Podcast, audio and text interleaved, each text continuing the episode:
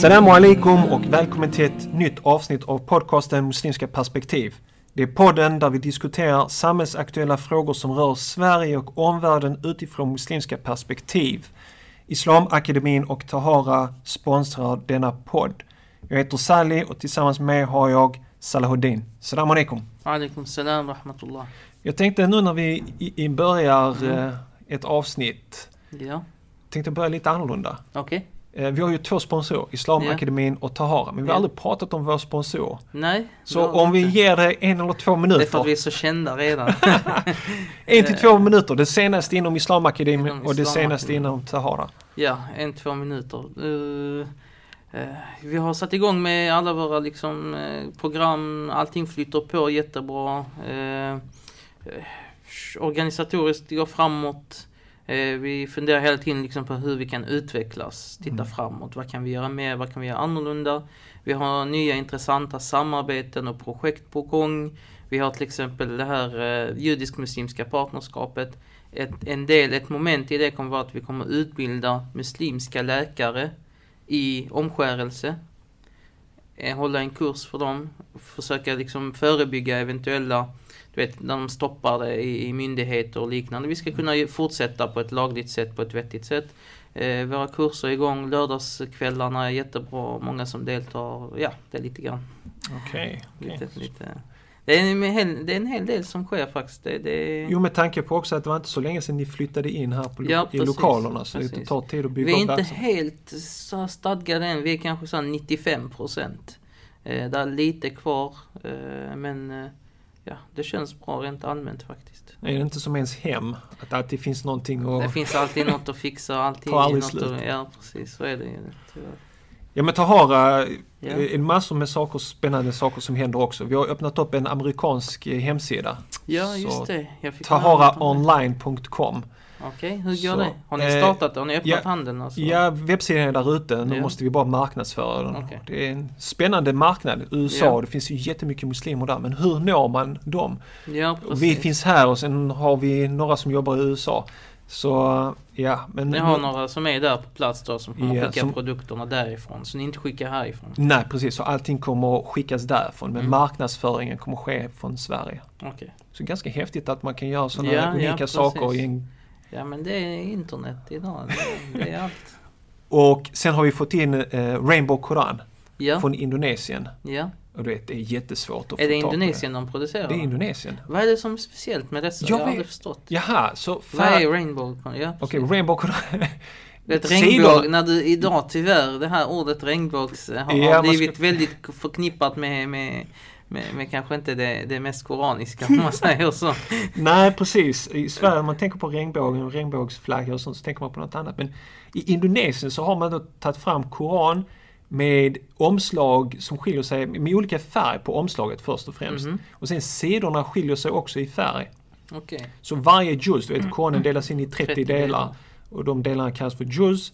Så varje, eh, varje juz, varje del har sin egen färg. Så en juz är i, i rosa färg Okej. liksom, Mhm. pappret och så en juz är blå och en Mhm. grön.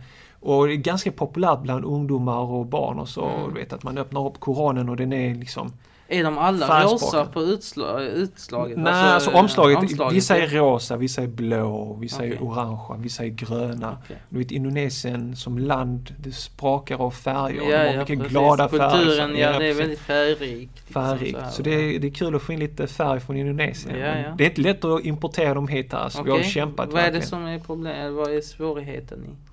Är det att Ja, få tag alltså- i dem överhuvudtaget? Jag eller? får tag i leverantören Okej. eh, och så ska de skicka hit en, du vet, en Långa båt. transporter Ja, och ja, precis. Det är inte alltid Är det båt eller är det flyg ni transporterar? Gud vet bäst. Ja, det tar liksom fyra, fem månader. Oj, okej. Visst, ibland Okej, liksom. Det är helt galet liksom. Då, då undrar man vad skickar man först med båt Ja, och sen ja. med kameler, du vet, över en landsträcka. Fem menar- månader, du kan gå till Indonesien Ja, eller hur? Man kan bara åka dit och bara köpa. Jag vet inte, men det är jättemystiskt. Ja. Men nu finns de inne, alhamdulillah. Ja. Okej, så jag tänkte att vi skulle prata om vårt grannland, Mm. Danmark. Ja, Och det har kommit ut eh, en artikel i Sydsvenskan som jag tänkte lite så läsa, men rubriken är väl inte direkt överraskande. Danskt burkaförbud på väg efter svängning från S. S är Mhm. Socialdemokraterna. Mm. Det, det är en sån diskussion här i Sverige också, och i Danmark och Ja, hela precis. Europa om burka, du vet, och burkaförbud och det här är ett stort problem. Låt oss bara diskutera det. Är det Ja, verkligen ett sånt stort problem? Jag ser det inte som ett... Burkan i sig är inte ett problem. Problemet är att folk hakar upp sig på det.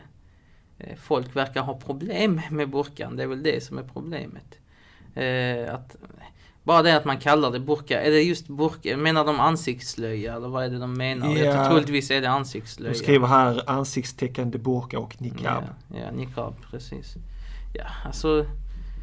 Jag, jag vet inte, det, det, det är den här... Eh, jag kan mest se...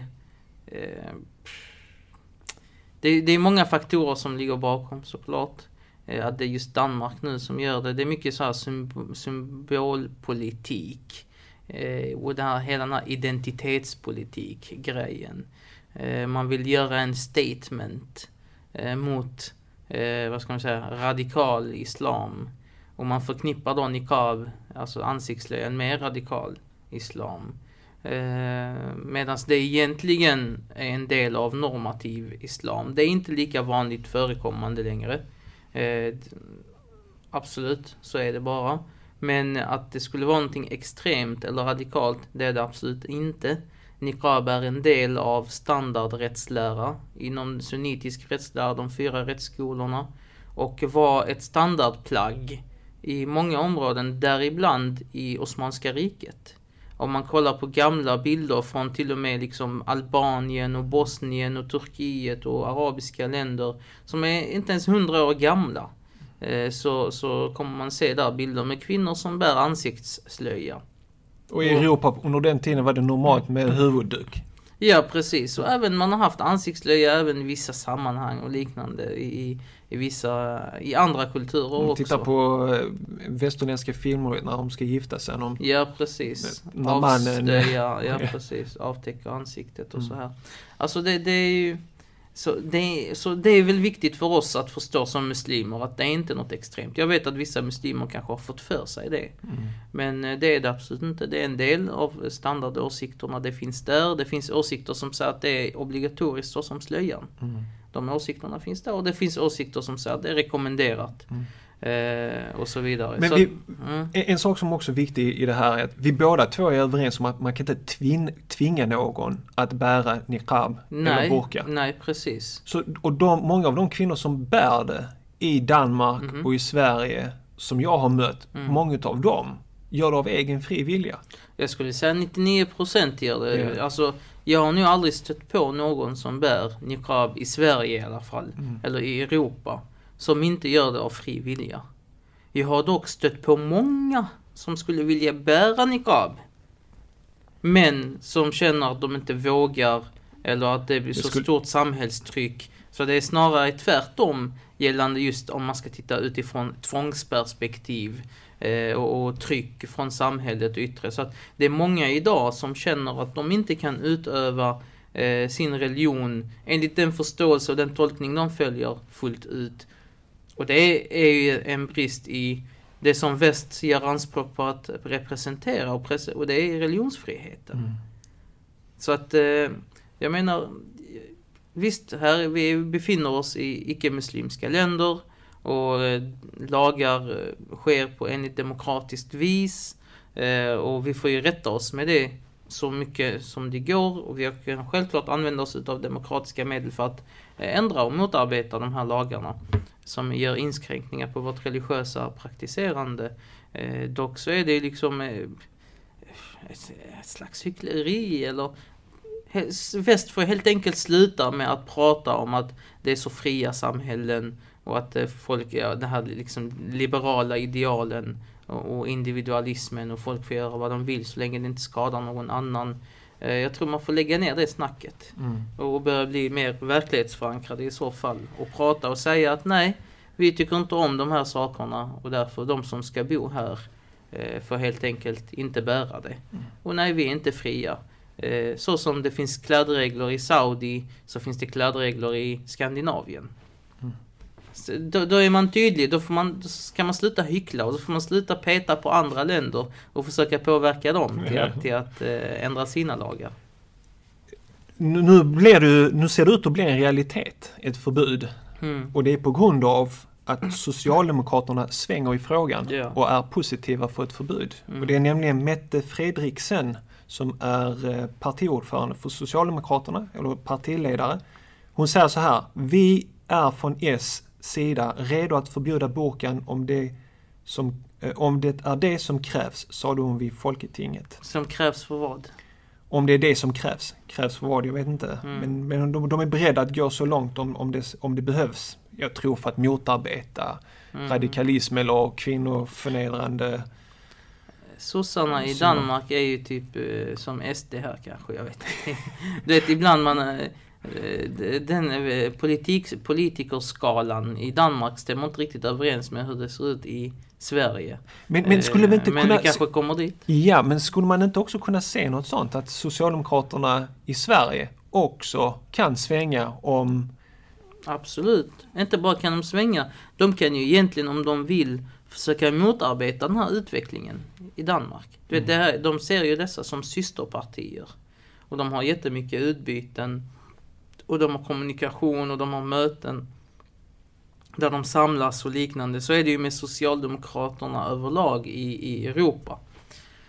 Så visst har Socialdemokraterna i Sverige någonting att säga till om i sådana frågor. Eh, om de gör det sen är en helt annan fråga. Om det är någonting de prioriterar. Eh, vi ser ju liksom några sådana tendenser även hos en del socialdemokrater i Sverige. Vi har ju haft Löfvens uttalanden om att så här gör vi i Sverige.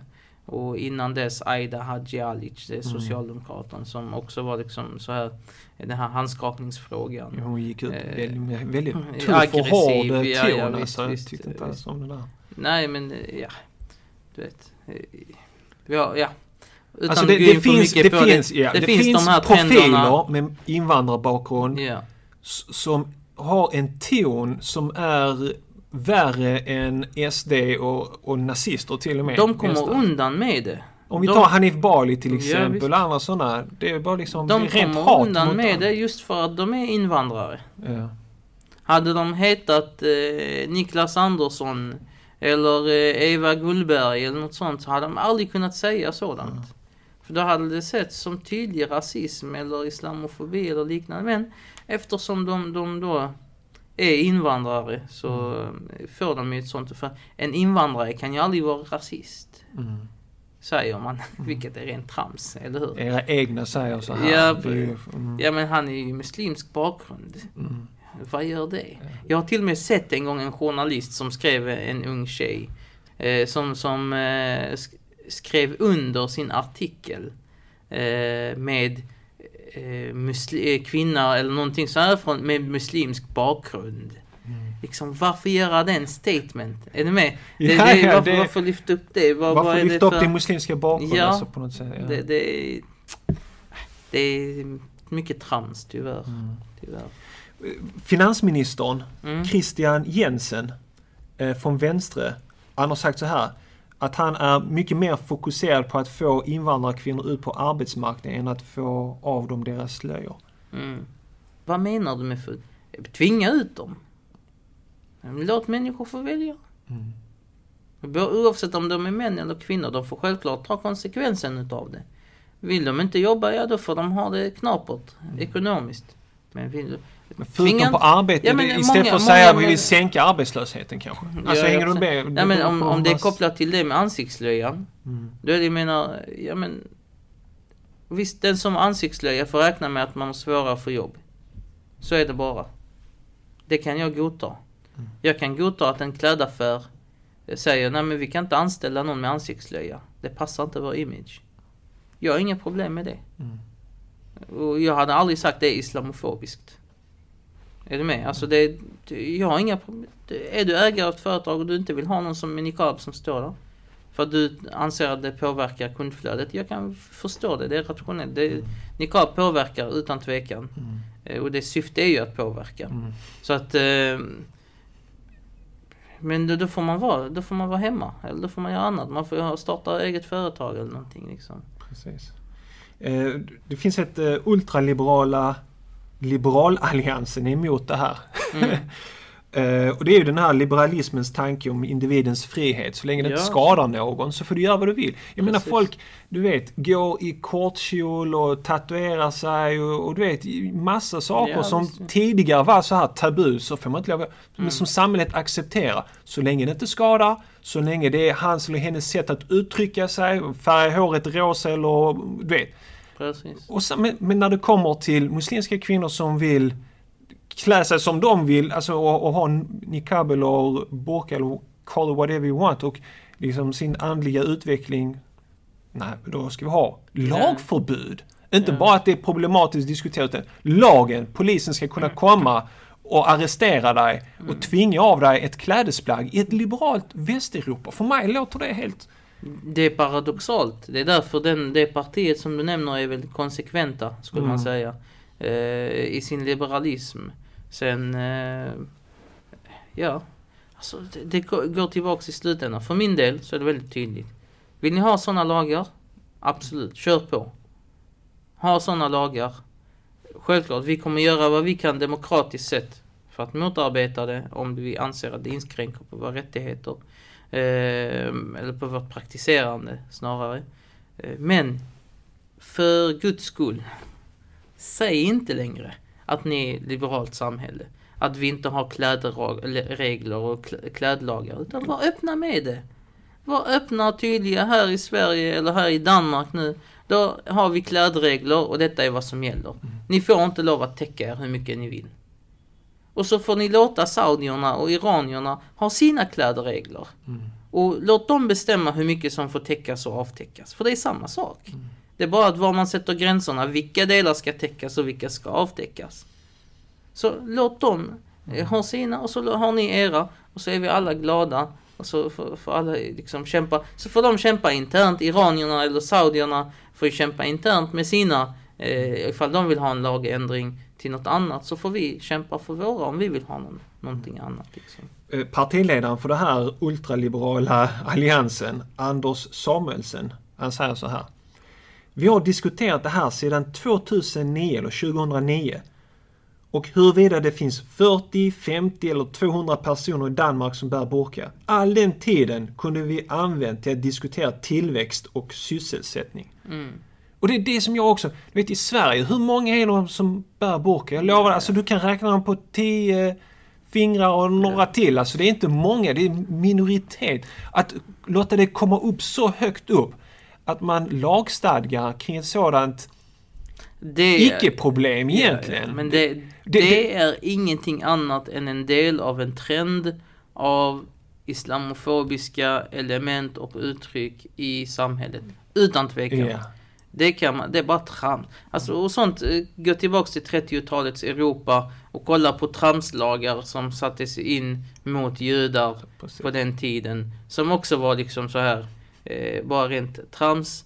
Eh, men som eh, var en del, lagen i sig kanske var irrelevant, men det var en del av ett större narrativ. Ett antisemitiskt sådant. Vi ser liknande, så att det, man, är, eh, man, är inte, man är bara dum ifall man, man tänker annat. Ja, alltså enligt en studie så är det högst 200 kvinnor som använder burka eller niqab. Ja, jag såg någonting, 154, något så- alltså. Jag, jag såg, jag hade en vän som gjorde ett inlägg, han skrev så här. Mm. Eh, en parallell då, han jämförde logik i Folketinget. Sundhetsstyrelsen. 850 000 har ett skadligt alkoholförbrukande, alltså eh, bruk, eh, där giver fysiska och psykiska skador. Härunder skadet dömekraft och ad, adfärd. Jag vet inte vad det är Mm. exakt i danska.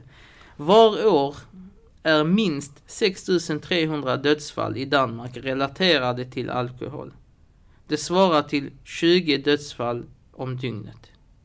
Alkohol medför ett årligt merförbruk i sundhetsväsendet på 947 miljoner kronor till behandling av alkoholrelaterade sjukdomar. Minst 120 000 barn, barnens rättigheter och allt vad det är va.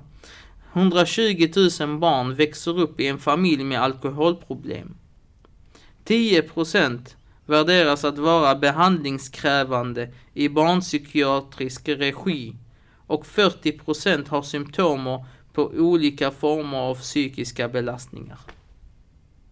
Ingen diskussion om alkoholförbud i Danmark. Det inte Källa ssd.dk Sundhet och livsstil, alkohol, överförbruk. Mm. Det verkar vara någon myndighet eller någonting. Är du med? Ja. 120 000 barn.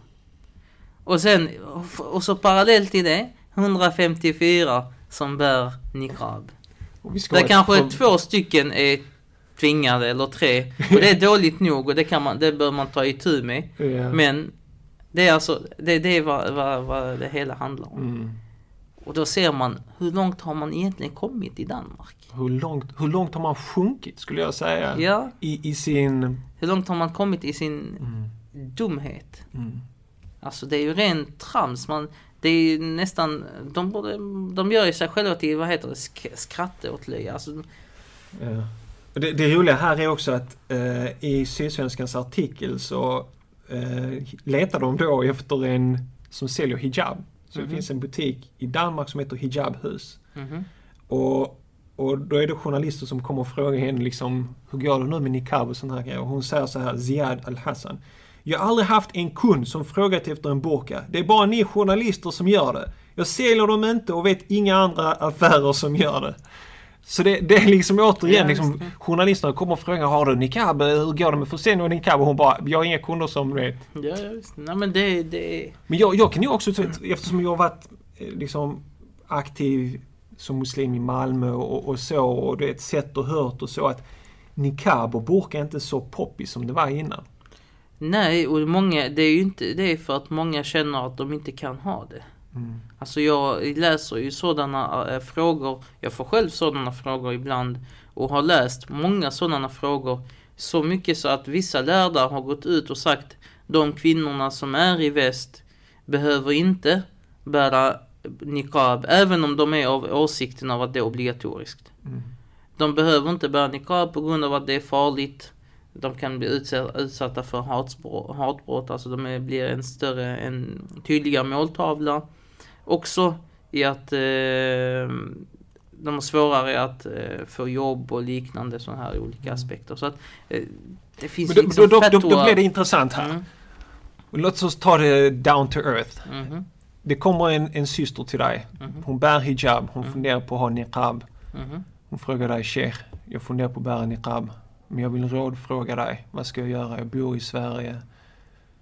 Mm, Jag har faktiskt fått den frågan. Mm. En syster som gick på universitetet. Eh, hon, pluggade på, hon sa, ja jag pluggar på universitet. Jag vill bära niqab. Jag vet inte hur jag ska göra. Då sa jag till henne, om du vill bära niqab, bär niqab. Men du var beredd att ta konsekvenserna för, av det. Förvänta dig inte att saker och ting ska vara de samma. Att du ska utan niqab kunna göra, eller med niqab kunna göra det som du gör utan niqab. Även om det kanske borde vara så enligt svensk lag, ingen ska diskrimineras för sin klädsel. Yeah, but you know, Yeah. reality. Yeah. Reality att det kommer påverka dig. Är du redo för att ta de konsekvenserna? Bismillah. Mm. Om det är det du känner att du vill. Bär niqab. Det var mitt svar. Mm. Jag tänker på den hadithen som profeten Muhammed har sagt om han kunde välja mellan två korrekta saker så- skulle han välja det som är lättare. Mm. Men just med, med den pressen som finns idag och, och all, allt det där. Ja. Om jag hade fått den frågan, inte som en imam eller så, så hade jag gett rådet att ta det enklare. Använd en vad man säger, hijab som täcker håret men Mm. som visar ansiktet. Jo men Eh, de är utav så- åsikten att det är obligatoriskt. Mm. Visst, det finns Men, det, andra men, men åsikter. då, då, ser jag, då ser jag då så här personligen, Ja. från ett metaperspektiv. Ja. Jag säger, det finns de som säger att det är obligatoriskt, Ja, ulama. De som säger att det är frivilligt. precis. Så om vi, om vi bor i Sverige, Ta den åsikten som är lättare. och, ja precis. Ja. Men de är helt övertygade om att det är de är obligatoriskt. helt övertygade Ja, om de är obligatoriska. Alltså det är det. Vad ska man göra? Självklart, du kan, vi kan alltid förespråka den enklare åsikten. Mm. Och det gör man ju generellt sett. Men, men eh, samtidigt är det ju att du vill ju inte vara ett hinder för någon i deras praktiserande och deras andliga utveckling. Mm. Sen självklart man eh, ibland vissa eh, ska säga, överdriver saker och ting och tar, saker, tar ut saker i förväg. Eh, Det är mycket viktigt, för det skulle jag också vilja gå in och prata om. För att det är många systrar som har haft niqab och sen tagit av niqab och, och hela paketet liksom. Ja, hänger ja, med? precis. Som du vet lämnar niqab och allting. Ja. Och det är för att de går, enligt min mening, för långt Absolut. och för snabbt utan... Absolut. Och det, det... Men visst, prova. Alltså, Man kan också det pröva. skadar inte. Ja, man kan pröva och man kan... Alltså det, har, det finns samhällen i Australien till exempel, i Sydney, är niqab jättevanligt. Mm. Bland muslimer i Sydney. Utan problem. Det finns så mycket som helst. Så att det är ingen som tar skada av det. England det. är också, ingen eller? Som, England finns också, ja vissa delar av England, vissa städer som har många muslimer och så vidare. Det Mm. finns det. Då är niqab liksom en en vanlig sak. Det är fortfarande inte majoriteten, det är fortfarande en väldigt eh, liten minoritet. Men de får ha det liksom. Det, De som eh, tänker så här. Först är det ett förbud mot niqab, sen kommer nästa Precis, förbud, är sen det. kommer nästa förbud, sen Mm. kommer nästa. Det är det som är risken. Det är därför det är, det är viktigt att säga ifrån redan här. Och det är viktigt för muslimer. Detta skulle vara mitt råd till muslimer. Även om du är emot niqab. Tala inte ut mot niqab. Stöd de här istället som vill bära det. För att du talar emot niqab idag så kommer de och sen tar de Och din tror, och tror att du skyddar dig själv. Precis. Det är ungefär som han den här sikhen i Kanada du vet som blev påhoppad av en sån Ja, här ja, som skrek du vill införa sharia, du vill... Och han är sikh, det är en Ja, helt annan religion. Men han sa inte hej, jag är inte muslim, eh, jag tror inte på sharia. Precis. Utan han bara, jag tror på kärlek, vi möter dig med respekt. Och, så, och det är samma princip här. Samma. Att även om, även om du kanske inte har åsikter och, och burka och niqab och alla de där grejerna. Stå upp för rättvisan och rätten. Precis. Så länge det är en del av vår religion kan du inte förneka det heller. Alltså du, du kan, behöver inte tycka det är obligatoriskt. Du behöver inte tycka så men att, att eh, förneka dess legitimitet är problematiskt. Mm. Utifrån ett muslimskt perspektiv. Att, att eh, även om du är åsikten av att det inte är en, en, ett påbud. Även om du är av åsikten av att det är någonting icke rekommenderat. Så det är en legitim åsikt inom de fyra skolorna. Det är en legitim åsikt inom Islam. Det är till och med en sunna av profetens hustrur och liknande. Så att man bör ändå... Ja, se det som att du står upp för religionsfriheten Ja, också. ja. Jag menar jag, jag står upp för religionsfriheten även för kristna och judar. Att de ska ha rätten att utöva sin religion. Om de ska bära kors eller om de har nunnor som går klädda. Eller Det är så det fungerar judar som har kippa. Fine, kör på! Det är så det fungerar i Sverige. Vår religionsfrihet är ju beroende av att andra har det också. Mm. Om man börjar skära ner på andras, då kommer den skära ner på, på en egen också. Det biter Alltså, in i slutändan. Ja, ja. Några slu slutliga tankar eller så? Nej, vi hoppas att danskarna för, återfinner sitt, eh, Sitt förnuft. sitt förnuft, även om det inte är så troligt. Yes, det får vara de avslutande Ja. orden. Och vi vill gärna veta vad du tycker. Gå in på vår hemsida muslimskaperspektiv.se och lämna en kommentar. Och om du tycker om dagens avsnitt skulle vi uppskatta om du tog 2-3 minuter och delade dagens avsnitt via din Facebook-sida.